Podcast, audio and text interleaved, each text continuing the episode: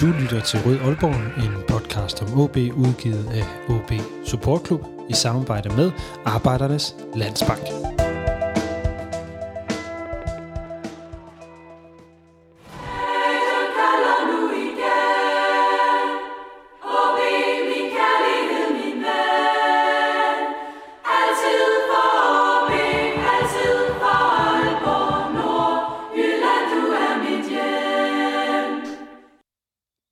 Velkommen til denne udgave af Rød Aalborg, en podcast om OB, udgivet af OB Support Club i samarbejde med Arbejdernes Landsbank og alle vores 109 medlemmer. Mit navn er Lasse Udhegnet, og øh, velkommen til øh, en udsendelse, som jeg personligt har glædet mig rigtig meget til at lave og til at dele med øh, jer, der lytter med.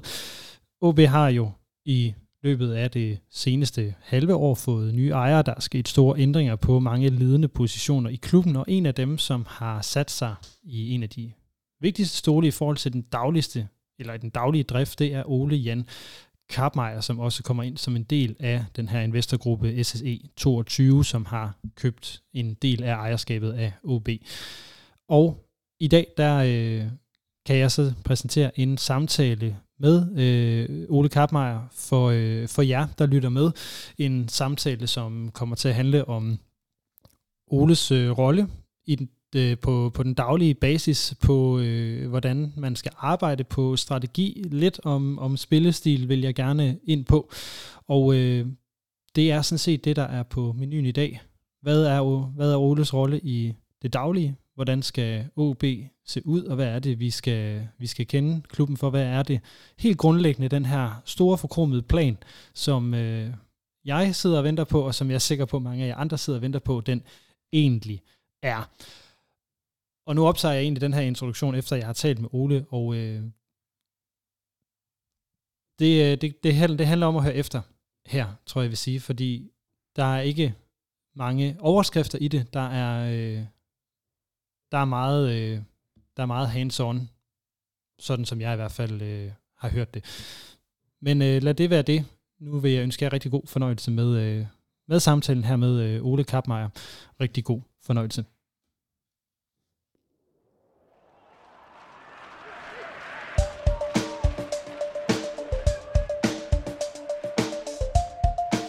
Mit navn er Ip Simonsen. Du lytter til Rød Aalborg. Ole, herzlich willkommen zu Rotes Aalborg. Wie geht's? Vielen Dank, Lasse. Sehr gut. But uh, actually, it must be the other way around, to be honest. I'm, I must say uh, hello in Danish. Uh, so uh, I'm in Denmark, in Aalborg right now.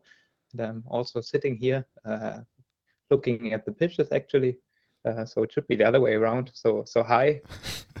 Hi, Ole, um, and thank you so much for taking your, your time to to be with me and and the listeners um, today for a talk about well the first month of your work and um, a bit of a look forward into what will happen in in AaB in in the next year uh, or so. Um, but just to start off, um, I'm sure that my that I am at least, but I'm sure that all of, of the listeners are also very interested in, in getting to know you a bit better. So if you don't mind, I would like to start there. You have been working uh, a little less than a month in the club now. How has it been? I mean, it's been a roller coaster also for me. Uh, I jumped in into a situation. Um, so my third day at the office was uh, that we relegated uh, what makes me like the sporting director. I, I, think I'm like the worst sporting director in the history because it's like one match and we just got relegated. Um, so it was, of course, uh, you could feel all the emotions popping up uh, from the coaches, from the experts, from the employees, and you come into a setting that's yeah, not normal. I would say. Um, at some point, I had the energy to help the other ones also to look into the future right now. And I think this might also help. Uh, so I can totally understand that uh, the coaches and experts who have been part of the journey the last months and years uh, at some point also tired. And after the season, it was took a lot of energy. So uh, at some point, it was easier for me also to say, okay, right now we have to look into the future, and then we have a short summer break. Uh, so we only had two and a half weeks um, which makes it also easier to look into the future because we have the team back on the pitch uh, for one week now. And uh, we can start working with the team. We can start working with the players and you can create new stories around the club and also work hard on the pitch. And then we know what we are working for right now.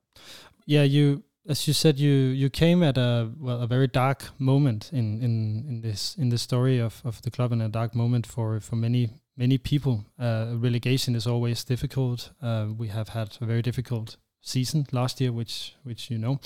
Um, so you say you come in with with some different or um, that you could sort of help the others um, in but how long can you do that? It, it has this been a bad starting point. It's you know I, I hope you know what I mean uh, in in terms of it being yeah. difficult to to start from a re relegation rather than a survival.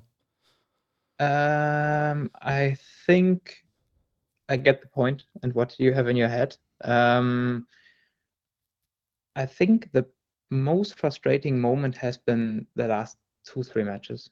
We have not been relegated by just losing the last matches. And I think at some point, uh, when we also talked to the club about what position I should be in in the future, um, the chances that we stay into the league uh, were rather low. And then uh, we fought ourselves back. We won some matches. We got some points. And I think the big frustration was that we had it in our own hands um, on the last match. And then we lost the match and then we got relegated. Nevertheless, uh, we knew about the situation and that it could happen that we go down and relegate for the NordicBet League. So um, we started to plan weeks ahead, uh, and therefore it makes it also easier for me now to pick up the plannings we already had for the NordicBet League when it comes, in example, to the squad planning. Uh, to we spoke about different scenarios and we had both scenarios in our head so it was not that we got surprised and just waited for uh, for the last minute of the match, and then we were relegated, and then we started planning. Uh, so, but we prepared also the weeks before, and that makes it easier for me to take this red line. Uh, I mean, it's the wrong red line. Uh, we would love to have the other red line, but um, of course, we knew about the setting, and for us, it's talking about mid and long term. And I think you will have some some questions about that one um, during the podcast here. Probably. Um, it changes yeah, it changes the setting, of course. Uh, and I, of course, I would love to start also in the Superliga, but uh, right now, what we know what we have to do, and it's not. It was not surprising. So to answer your question, um, it's not. I can keep up the energy because we planned it a while. Okay, what are you working at currently? What's what's on your desk for today, for instance? Um, I mean, we can also speak about my role uh, to to better understand it. Uh, I think in a moment, um, but right now it's we take care about the squad, but also about the staff because I think it's been a, a, a situation. Uh, Rasmus Würtz just jumped into the coaching team. Um, he was supposed to be the transition coach, take care about the younger players. Then he got the assistant role. Uh, Oscar jumped just into the head coach position. Um, so it's been a lot of like changes uh, during the season, also coaches wise. And right now um, we are about to get some new people in, so uh, that we must make sure that the players can develop the best, and we especially focus on the team around the team and then the team itself, of course. The academy is on holiday right now, the next three weeks, so we can also put in some thoughts there but it's not that I have to solve like crazy situations daily right now or emails popping up um, about actual topics right now in the academy. So it makes it easier right now to focus and get the right setting for the for the first team, uh, and then in three weeks uh, the academy starts again, and then uh, I can also think about that one.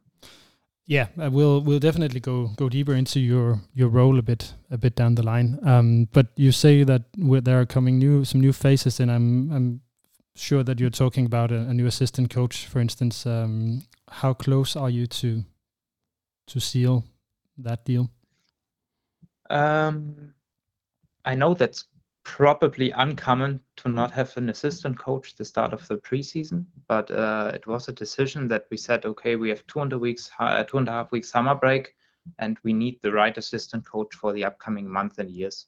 Um, so there were many people, uh, coaches contacting me after I took the role. Uh, they wanted to take the role as the assistant coach, but we said for ourselves that we need to find the right guy, and therefore we set up a process. Uh, so we go into interviews. We gave like several tasks to people. Just uh, we got the references from other clubs just to see how they work, and that took us some time. Right now we are like in the final selection, and I, I think we have a decision the next days. And uh, then yesterday, Lucas Babalola, the analyst, uh, also left us. Um, so since yesterday, we also have a new analyst in place, uh, and it was the same for us. So even though we would have loved to start with an analyst, it was more to take care about the process and the upcoming years and to find the right guys than to rush uh, and take a decision maybe one week earlier because that would have been possible if we just take one candidate that applied to the job um, but we wanted to have this right decision and therefore we it took us some time. What have you been looking for in in that process?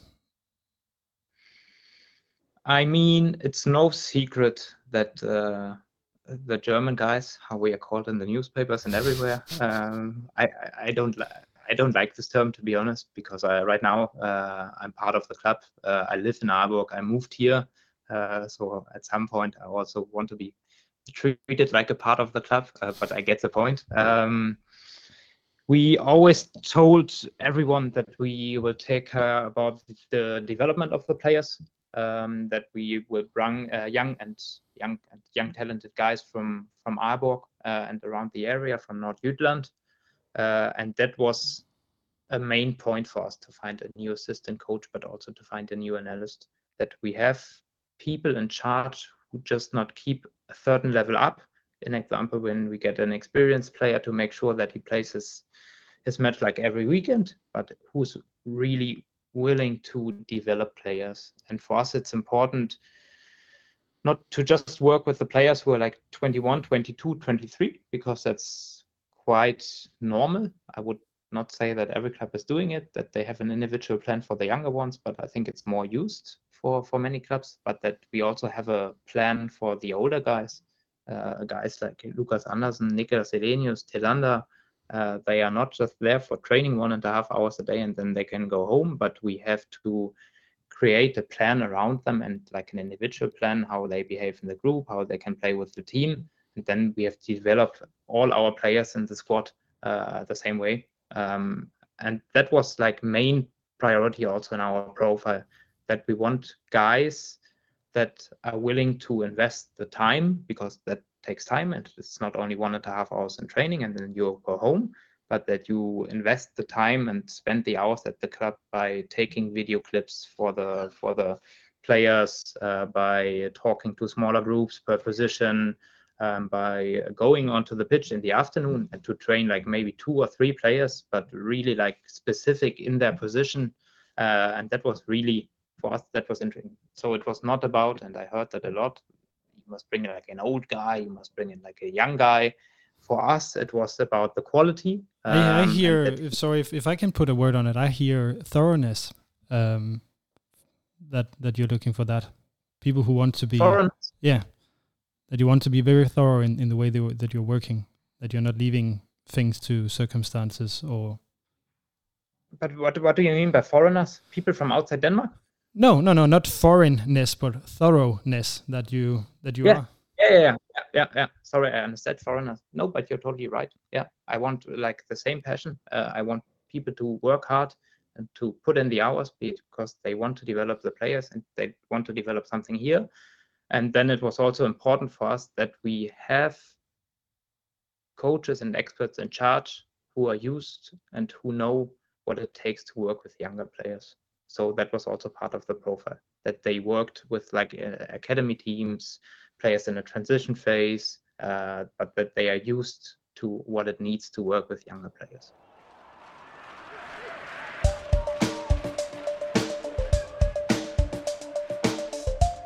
Mit navn er Lønge Jacobsen, og du lytter lige nu til Rød Aalborg.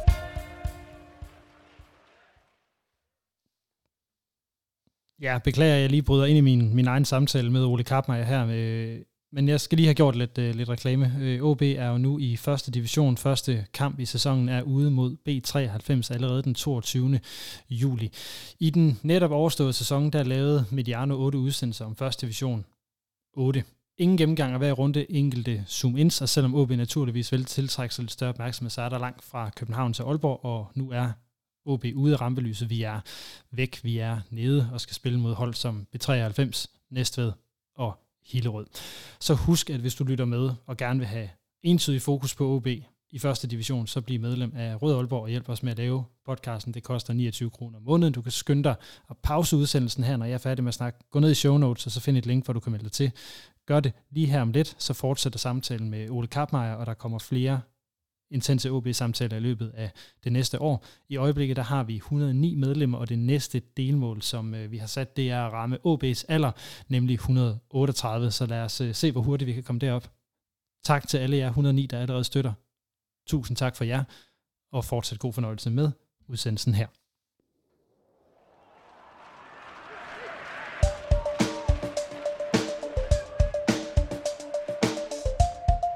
Jag heter Rade Pritsa och jag lyssnar på Röd Aalborg. Ole, let's uh, let's talk a bit about your role as well, because as you you already said, there might be some things that uh, we need, and I say we as as fans and and followers of the club need to understand about the role that you you're having, because you're also part of of the um, the investment team who who have bought some shares uh, in the club, and and some people have might thought it odd that some of you came into to leading positions uh, in the club since you well also invested in it.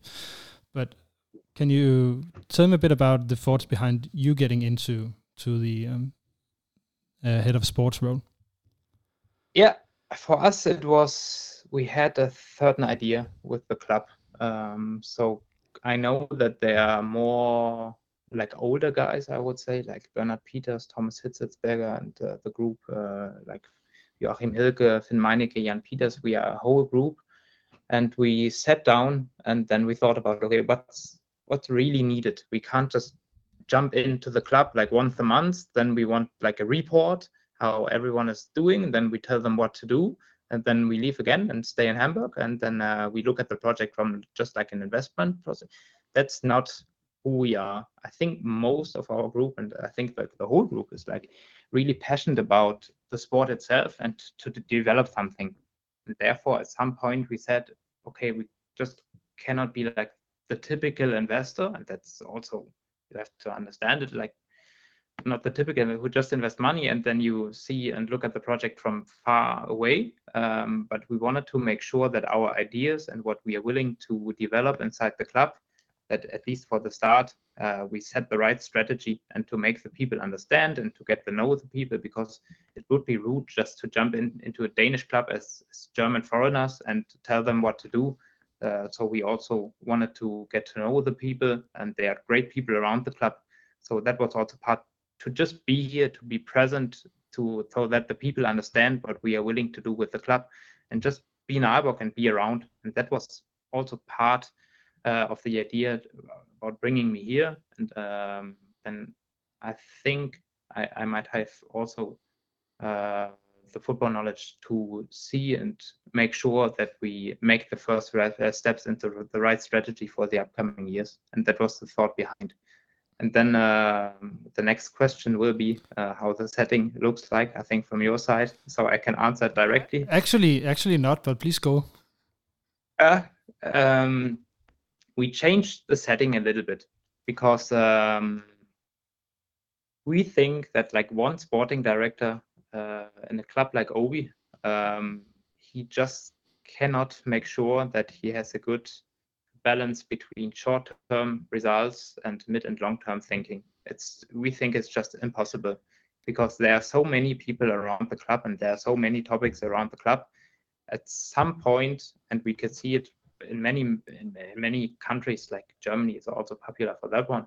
Um, the sporting directors they tend to concentrate more on the first team because uh, at some point there will be results. Maybe it's negative results maybe it's positive results and they will concentrate more and more in just the short-term thinking and weekend for weekend. There will be trouble there will be newspaper and uh, we think that that's not the healthy way of doing it so we think uh, that it needs someone who really oversees the strategy uh, for the club and not just think about short term but because i know as a sporting director and this is how you would define and understand the role in, in most of the clubs. Um, I know when we lose a couple of matches, if you lose 10 matches in a row, then at some point you change the coach, and then at some point you change the sporting director. And I think that is the way it goes in football. And uh, everything that think everybody thinks that's normal. And we wanted to change it a little bit. We wanted to have someone who takes care about the mid and long-term strategy, of course, also uh, to how to proceed it in daily and how to execute it daily. But we want to have someone in charge, and that's actually me, uh, someone who oversees the whole strategy. I can tell you a little bit about what we mean with strategy in a minute, and then we um, made sure that we have people in charge for the development of how we want to play football. So talking about playing identity, that uh, we have no big wall uh, between the academy and the first team. So we brought in uh, James Goh uh, from Liverpool as the director of football, who is in charge and oversees the playing identity, but also working with the coaches and experts to have the right setting to make sure that our players, like on all age groups, develop the best. And then we have a great team together with uh, Niels, together with Matthias, guys in the academy, to make sure that uh, we develop the coaches. But we can it's like a big topic. We can speak also about that. Yeah, but, but there there are there are so many big topics to to talk about. Yeah. Uh, so it's yeah. uh, it's it's the art of not being superficial when we go through this. Um, staying with with your role.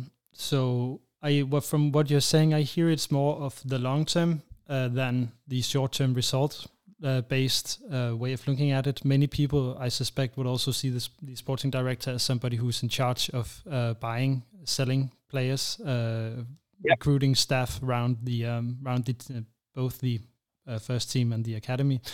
Um, I'm now I'm, I'm, maybe coming short in, in, in my English here, but what what will you what what is your task to be more specific? What what will what will you need to do to succeed? When it comes to getting players in, no, as, as, as, as, as your role, what what is what is the what is the task? What is uh, the criteria for for success for for the role you have? For me, strategy is always about. I mean, we need to know how we how we want to play football.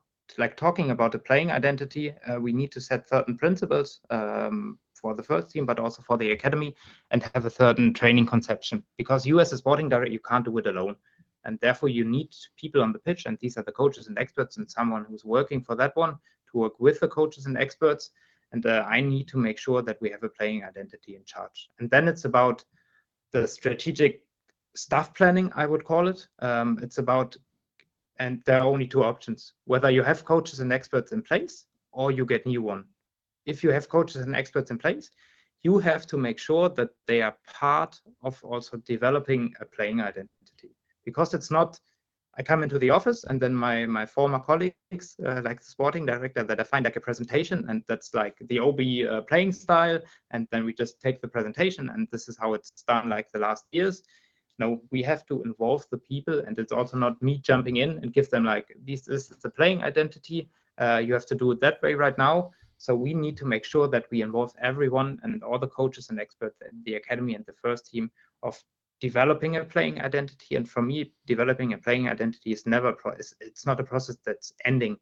So if you take like the world class team, you can also look at at an example we did with the coaches from the academy and the first team. Um, the last weeks, they had to analyze uh, the top teams in the Champions League just to see what's needed in world class football because at least that must be the aim at some point to develop players the best they can be and then you need to know what's needed in world class football. And from there you can break it down um, to the first team. You can also measure how we develop in the first team regarding that one and you can also break it down in the academy. So it's always like circles um, so talking about strategy for me is about playing identity strategic squad plan, uh, personal planning and then you come to the squad planning So if you have a playing identity and coaches and experts in charge who take care about the training concept and how to get the principles done, then you need to make sure that you have the right players in place. And for me, strategic squad planning is not always about because if you talk to a sporting director about strategic squad planning, the first thought that pops up into your head is like, okay, transfers. Okay, we need to bring in new players. But for me, and that's maybe somehow boring to hear um, for, for, for everyone. But well, I'm, me, all, I'm, I'm all into boring stuff, so please go along. Okay, perfect. But for me, strategic squad planning starts in, in how we behave in, in, in Aalborg, in and around Aalborg, um, and how we behave in Nordjylland, so that we make care that we have a big talent pool um, to bring in young guys. And that's for me like the first step and the first, that's the foundation of squad planning for me to take care, uh, at least how I understand it, about your region and to make sure that you have the right guys in place who also take care about developing coaches, in example, our partner clubs. Um, because the higher the quality of the coaches and the experts in the partner clubs, the better the talents get.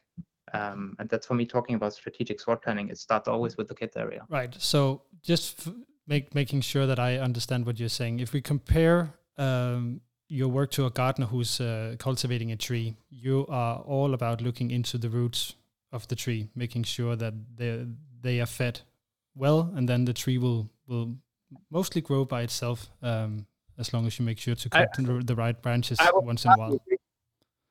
I would partly agree uh, because I also look like we start there, we start to look there, but then of course we have to make sure that we work um, the best we can with the coaches and experts we have in charge, and we also have to develop the coaches and experts in our academy. The best that we have like the transition quote from our players that we get the players up, because that's the best way of how developing talents.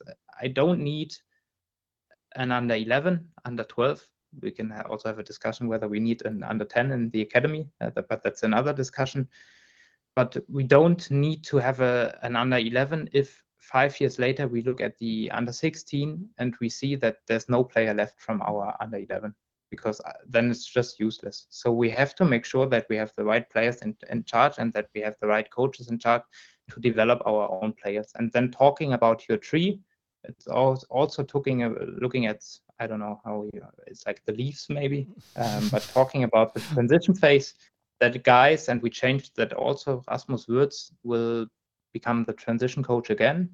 Um, and Matthias Krog, an example, he will take care about the video profiles of the transition players that we also know how to treat because many academies they develop their players till they are transition players and then it's more or less up to luck whether a player from the first team gets injured, then you have a young guy in.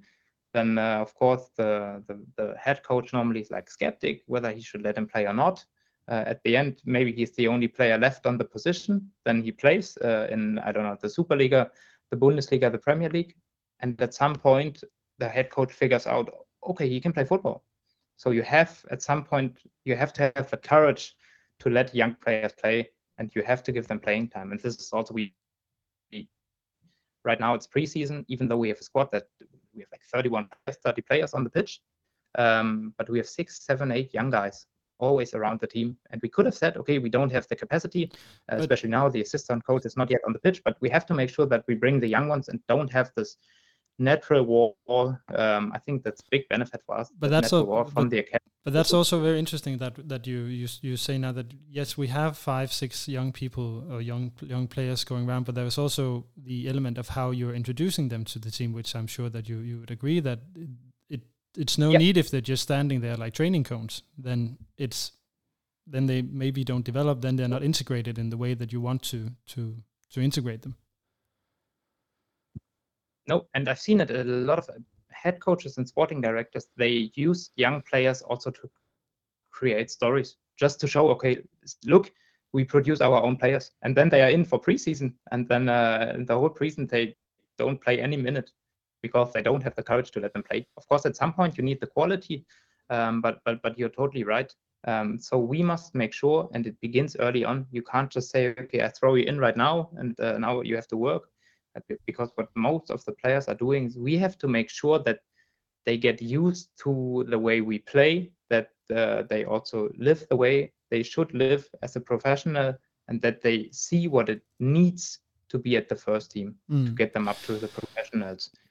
From what I'm hearing you say, you have a big focus on having the right people around the players, then, so that we sort of create um, uh, a line of, of how we're doing. Or now I say we, as, a, as you know, I, I might also feel a bit ownership of the club in, in a way, um, or at least being part of it. But um, so that we need to find this line where people can know what we what we're doing, how we integrate, how we push players from uh, under 16 to under 18, and, and and so so going up. Yes. Um, how will you then be the manager of, of these this group of people? Are you the, the guy who, who involves them a lot, brings them into the office saying, oh, so how, how are we doing this? Or are you going out on the training pitch, uh, lifting your finger saying, uh, you need to move there, you need to move there, uh, this guy needs to be in the middle, how how how will you be perceived by your or how would you want to be perceived by your employers? Um, I would say it's always uh, a group decision. Of course, there are certain responsibilities. So uh, I, I, will never talk to the head coach which players he has to play. That's uh, Oscar's decision at the moment. So uh, I will never be the guy. I mean, I'm responsible at the end, and uh, I, I, could take the decision. Um, but there are people around me who, at some point, know far better than I uh, how a top talent is doing individually. Does he have like as a personal problem? Is he ready right now to play? Is he ready to play like 20 minutes? Uh, is how is he doing physically? Uh, so of course we need to involve the the people, uh, and then we have, just have to create the right setting around players. I mean, football is not complicated at all, but it got more complex, I would say because there are more people involved and we just need to make sure that we have all the information we need and that we have talks every day about players and that we spend time together talking and taking care about the development of the players of the team um, and i think then then we are the best mm. what motivates you um, i think it's a little bit also what I experienced in the Bundesliga. So I worked in Hamburg for six years, and uh, I've seen what it means to think short term, or, or I would say like forced to think short term, because when there's pressure like all the time, and actually for us it's also the same situation. Of course, you try to tell the story about like a big club. We have a big tradition, and you keep the story up um, then there's pressure. Of, your, of course, you have to promote for the next league. But what drives me is to prove the football world, um, and probably Denmark and Aalborg is a great place for it, that if we do the basic things right, and that for a long time, that uh, players, coaches, experts start to realize that they can develop as a team. And if we do that right, then uh, I really think, and that's my my total belief that we will be successful. And you can compare it if, you, if I, I mean, I'm a German guy, so there are many examples of Germany right now. If I look at the second Bundesliga next year, there are big clubs with with a big tradition like Hamburg, Schalke, Berlin, Stuttgart was close, Nuremberg, Hanover. Um, so when I was young, that was like the first Bundesliga, and I think there's a reason for it. I think football, it's like more and more political and more and more short term. New sporting director, new coach, but the clubs that worked consistent over time, like uh, Freiburg, I mean, the example everyone uses, but also Union Berlin at some point. Uh, I mean, it's maybe also a little bit coincidence that they are where we are right now, um, but it's also due to good work. Um, teams like Heidenheim uh, that got up to the first Bundesliga right now um, I think Dortmund and Bayern they are also working different than like the other traditional clubs because there are people in charge for a long time and like small. There are not many people to decide. It's like two or three people, and they have another structure than, an example, uh, Schalke or Hamburg. And I think it's no coincidence um, because the more and the louder it gets around the club and the more politics going on the more you decide due to emotions uh, due to results in short term and then you start to take short decisions. And i can see like many also board members in the bundesliga if they would most of them are very successful in their company and then uh, just to be in the table. And you, if you're like a board member in hamburg then you are like invited to every event. You get the insights. You can talk to your buddies.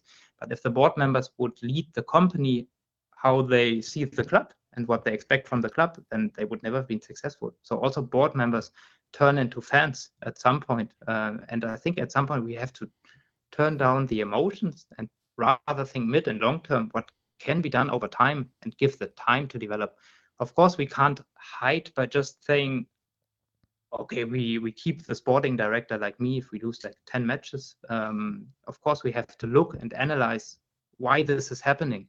It's not just to work like constant right now and next time, blah, blah, blah.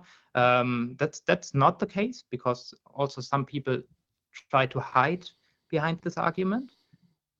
But I think if you do good work and not just look at the result, and if you look like how the players are developing, how the beside the result at the weekend, then you have some elements inside where you can say, okay, that might be the right way, or we need to take some decisions because we are on the wrong way. Mm. And that that was that's important to me. That sounds very very interesting, and I'm I'll be very keen to to hear about uh, how you keep calm during the season because uh, from my experience in the last season, I've, I've been very emotional in many games. Uh, very very hard to keep to keep calm and keep cool in um, in that situation. But I have another perspective, so so maybe it, that's my job to keep calm at some point, and it's your job to to put in the emotions, to put in the joy, the happiness, the frustration at some point. Uh, at some point you can be disappointed. At some point you go home and celebrate I think that's the fan side, and that's totally fine. That's nice. We need this, but uh, there must be also some guys. I I can't act and I can't take decisions by just saying, okay, we lost two matches now. I need to do something. Mm-hmm. Well, do you mind if we go to talking about uh, the more strategic part of of uh, your work? I, I, I mean, we talked about playing identity and how the coaches and experts and uh, like the squad planning. So, uh, so for me, just to add, like the other strategic elements are like we must take care of the person. Everyone is saying it right now, uh, but we must take care that we develop also the human being. Mm. so, talk about how we show them that there are other talents, but also about how we use technology, uh, how we can improve the infrastructure. So just just to have like check the answer. Yeah, sure. Uh, but it, it's not that well. You, I can see from my questions that you have been around some of it uh, already. But um, if you can try to dis, dis maybe this is actually going against what you said by looking at long term. But if you would would be to describe uh, AaB in a year, what what does that look like? What would what would, what would you like to see? I want to see players on the pitch and uh, stuff around that really developed.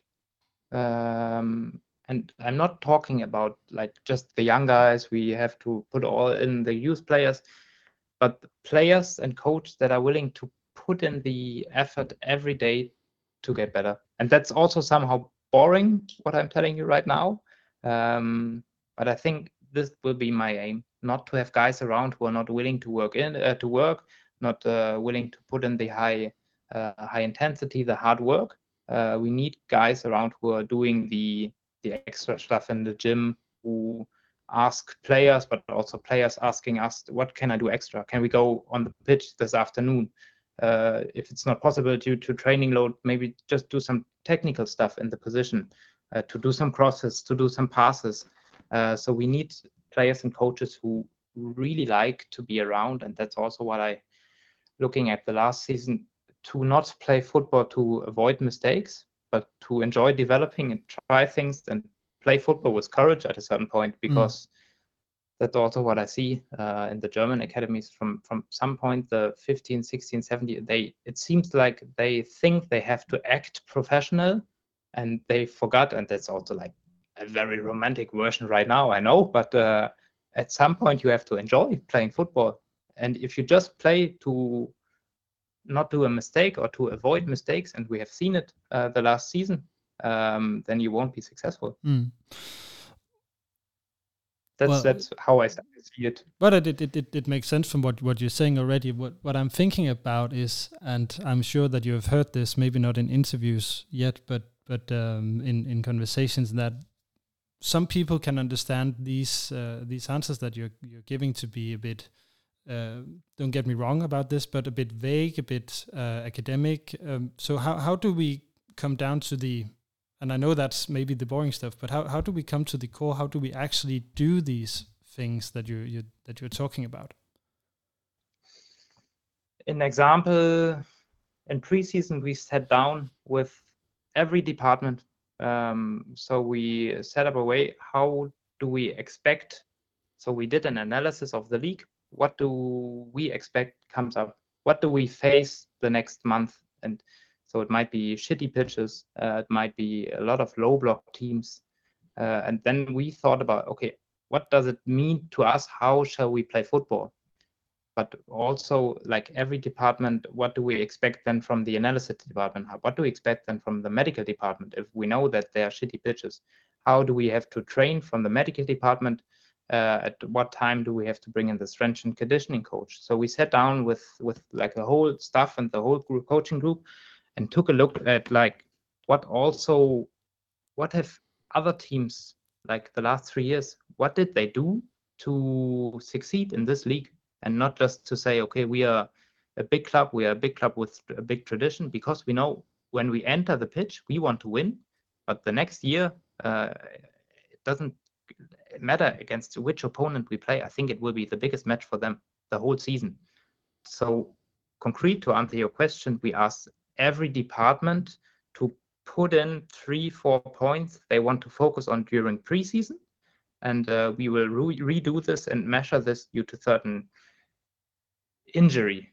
How many injuries do we have to prevent that we do not have any center backs at a certain point? How can we work against that we have no center back left at some point? What shall we do in the squad planning to be prepared for, like an example, a very physical league? So we really broke it down from an analysis what we expect, how the other teams are playing, and then we constantly start measuring it right now. Mm. Maybe that's concrete to the people, even though it's also academic at some point.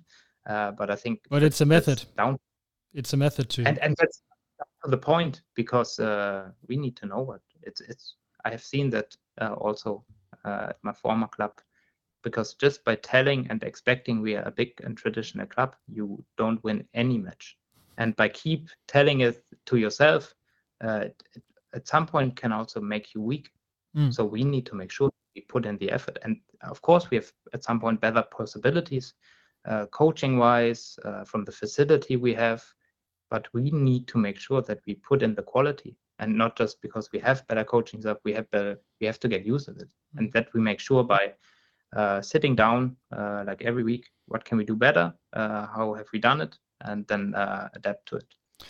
What would the style of play then be like?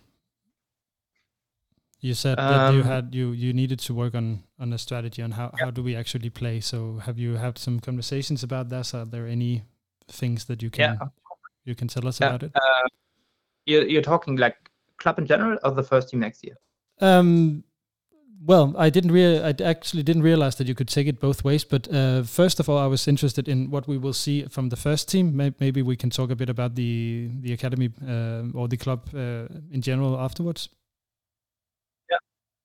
Um, we can't say next year's because uh, if we say uh, with the first team right now, we uh, play uh, out from the last third, so we step back, um, we wait for the opponent to attack. Um, I think we can't do it. So we have to also look into the league with the first team. What do we face? What kind of teams do we face? And we expect some teams they might pl- uh, play low block. So the, therefore we also adapt in preseason. What shall we train and what shall we do the next weeks? So concrete talking about the playing identity and what we do right now is to really see how, an example, can we be high up the pitch? How can we win the ball back uh, when we are high up the pitch? How can we pressure the opponent Do we pressure the opponent just by player, like having traps? Do we pressure certain areas or zones on the pitch? Um, so that's really much what we are falling to. And then, of course, um, how we create chances by uh, deeps behind. How can we act against low block teams to create chances? Um, and that's what I mean. We can't talk about playing identity just by saying, okay, that's how we want to play without looking at the opponent on that level. Um, when it comes to the academy, it's more general, I would say. Um, there are, I mean, I cannot.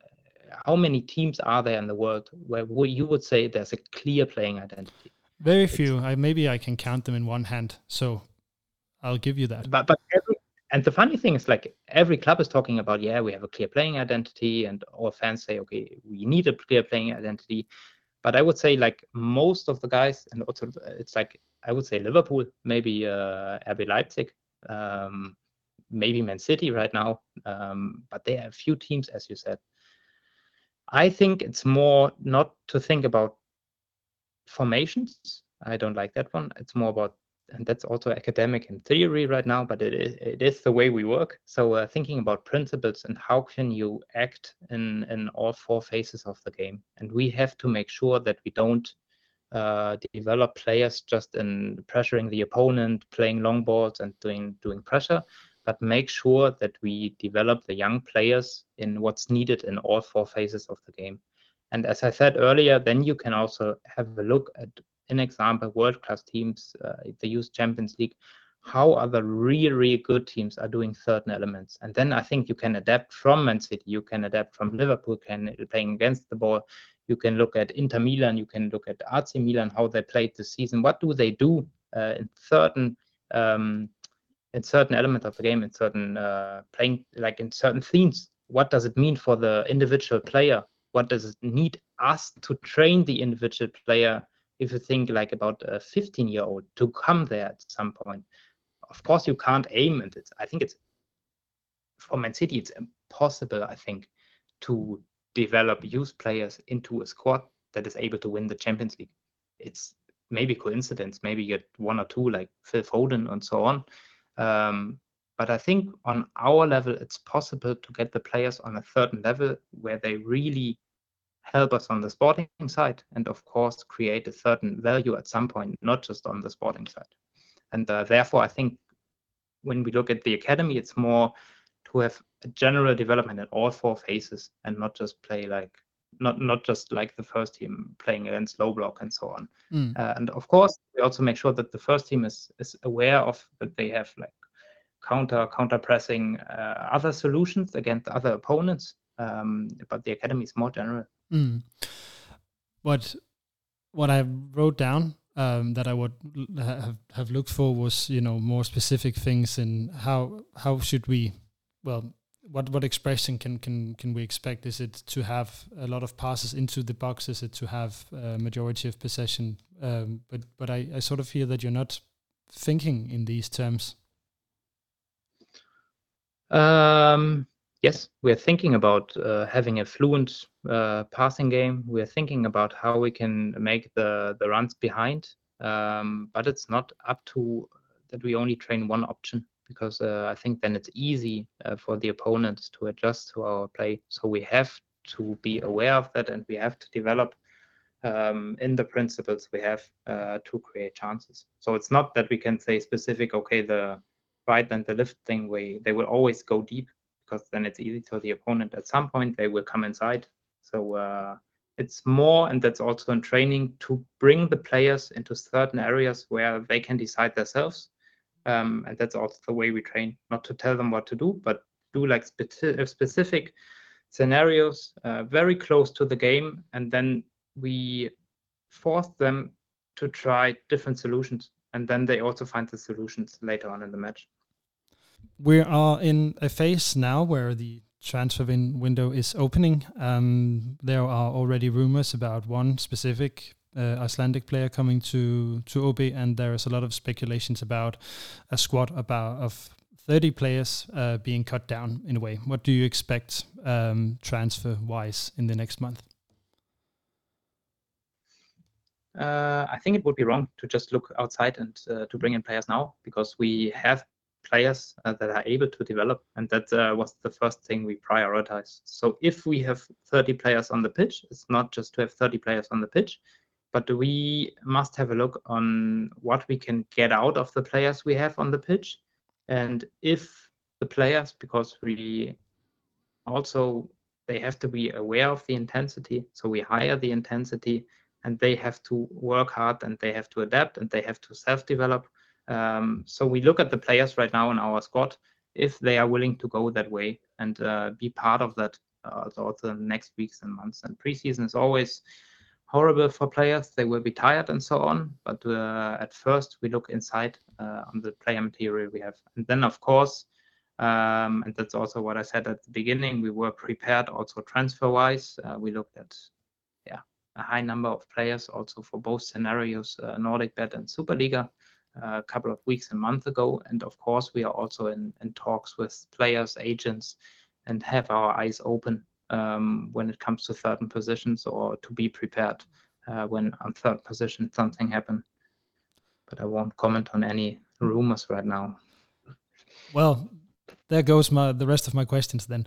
No. Um, well, if if if you look to two months ahead, uh, are there certain things that you would like to see have been um, have been done or have been put, uh, applied to to the strategy or the way you you work? Yes, I want players who are able and to keep like a high intensity um, and really do everything on the pitch to pressure the opponent, to play with the ball, uh, to keep up the speed, not just 30 minutes, um, but that we are prepared to keep up the intensity and the speed we need in, in our in our game. I want to see that, and that would be the perfect route for preseason. I think we have players on the pitch already who can do it, um, but we have to make sure that we can cope with the uh, with the intensity. Ole, before we end, are there something that you uh, feel that we haven't touched upon that that you would like to say? Yes. Um, we talked about the setting, uh, and I started to talk about the, team we have right now um, in place. So it's not just only me being the sporting director, and I think that's also new in Aalborg at some point because they have always been sporting directors and maybe an academy director. But I think what's new is that there's one guy, and we talked about my role in this, um, even though it sounds a little theoretic and academic um, that I have to take care of the strategy. But we brought in new guys, and we have some some older, experienced AaB guys like uh, Jakob, uh, the academy director, in place, where we really somehow split the responsibilities, and that we are not just one person who takes care of everything. Um, but that we have uh, Jacob in place who takes care of the academy, uh, that we have the right setting in the academy to yeah work beside our goal, uh, towards our goal. Um, then we have James in place, who's working with the coaches and experts to create the right setting uh, for for the players above all age groups, not just the the first team, but also the academy. And I think that's also somehow new um, to work with Oscar, but also work with the under 14 coach uh, together with the small team.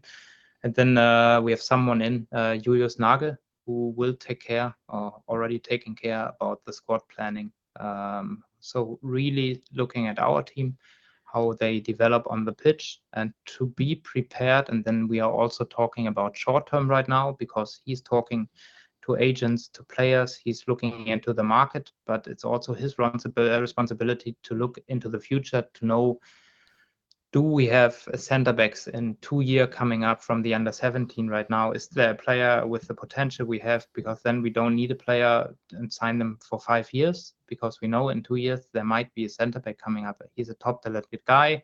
We put in the work together with Rasmus, with Matthias, with the head coach, and so on. And if we block the position at the center back, that would be so unstrategic that, uh, yeah, and that's that will be Julius who takes care of the squad management. And I think this is somehow new to Aalborg that there are more people taking care about the strategy. Uh, that, that that's like mainly my part, but also that when it comes to working with the coaches, uh, working with the squad, that's not only the sporting director who's doing that, and therefore we have more capacity and more manpower uh, to realize and to put our strategy into daily daily action. Right. Uh, the last thing that I would like to to ask you is uh, another question about your work. Uh, actually, it's because we have um, a lot of members on the on this podcast uh, helping me making it. Uh, we have 109 members, and uh, every month I am giving away two posters spe- specifically made for for the podcast, and I would like to ask you to pick two numbers between one and 109, so I can randomly pick the uh, this month's winners in uh, of the posters. So can you please pick two numbers between one and hundred and nine? Uh, I have to say one. Uh, I mean that's easy, but uh, I have it in my our mind also during free season uh, due to certain reasons. Um, and then I, I mean I said maybe I'm a boring guy, but I would say twelve when it comes to the fans. Well, that's uh, very symbolic. At least let's uh, let's hope that you will be absolutely right in that. Uh, I'll announce who are the winners in the end of this uh, podcast when we go back to the out the outro in uh, in Danish. But um, Ole, thank you so much for taking your time to be with us today. I hope for more conversations on the podcast on how the strategy and the club is developing as we see it. On the pitch and uh, in the daily work. So thank you so much for your time and your thoughts. Thanks, Lasse.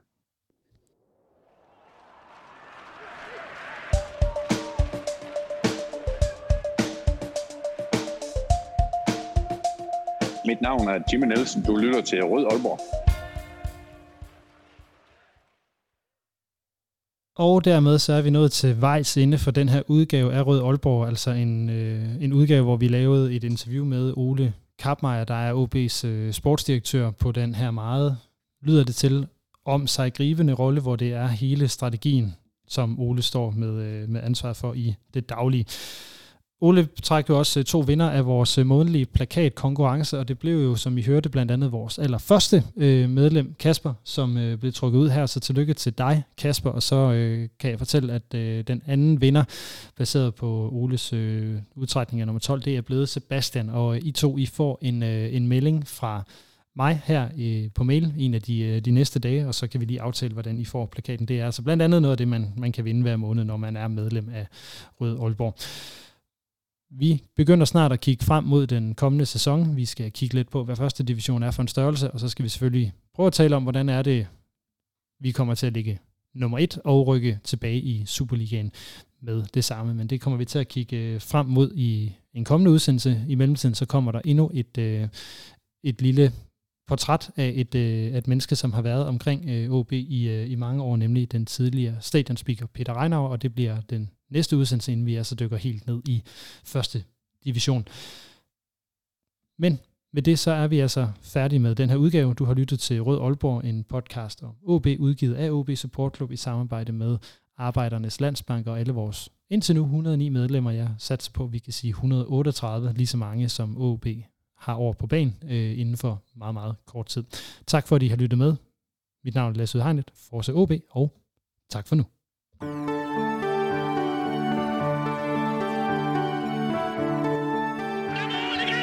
Du har lyttet til Rød Aalborg, en podcast om OB, udgivet af OB Support Club i samarbejde med Arbejdernes Landsbank. Din vært var Lasse Yde Hegnet.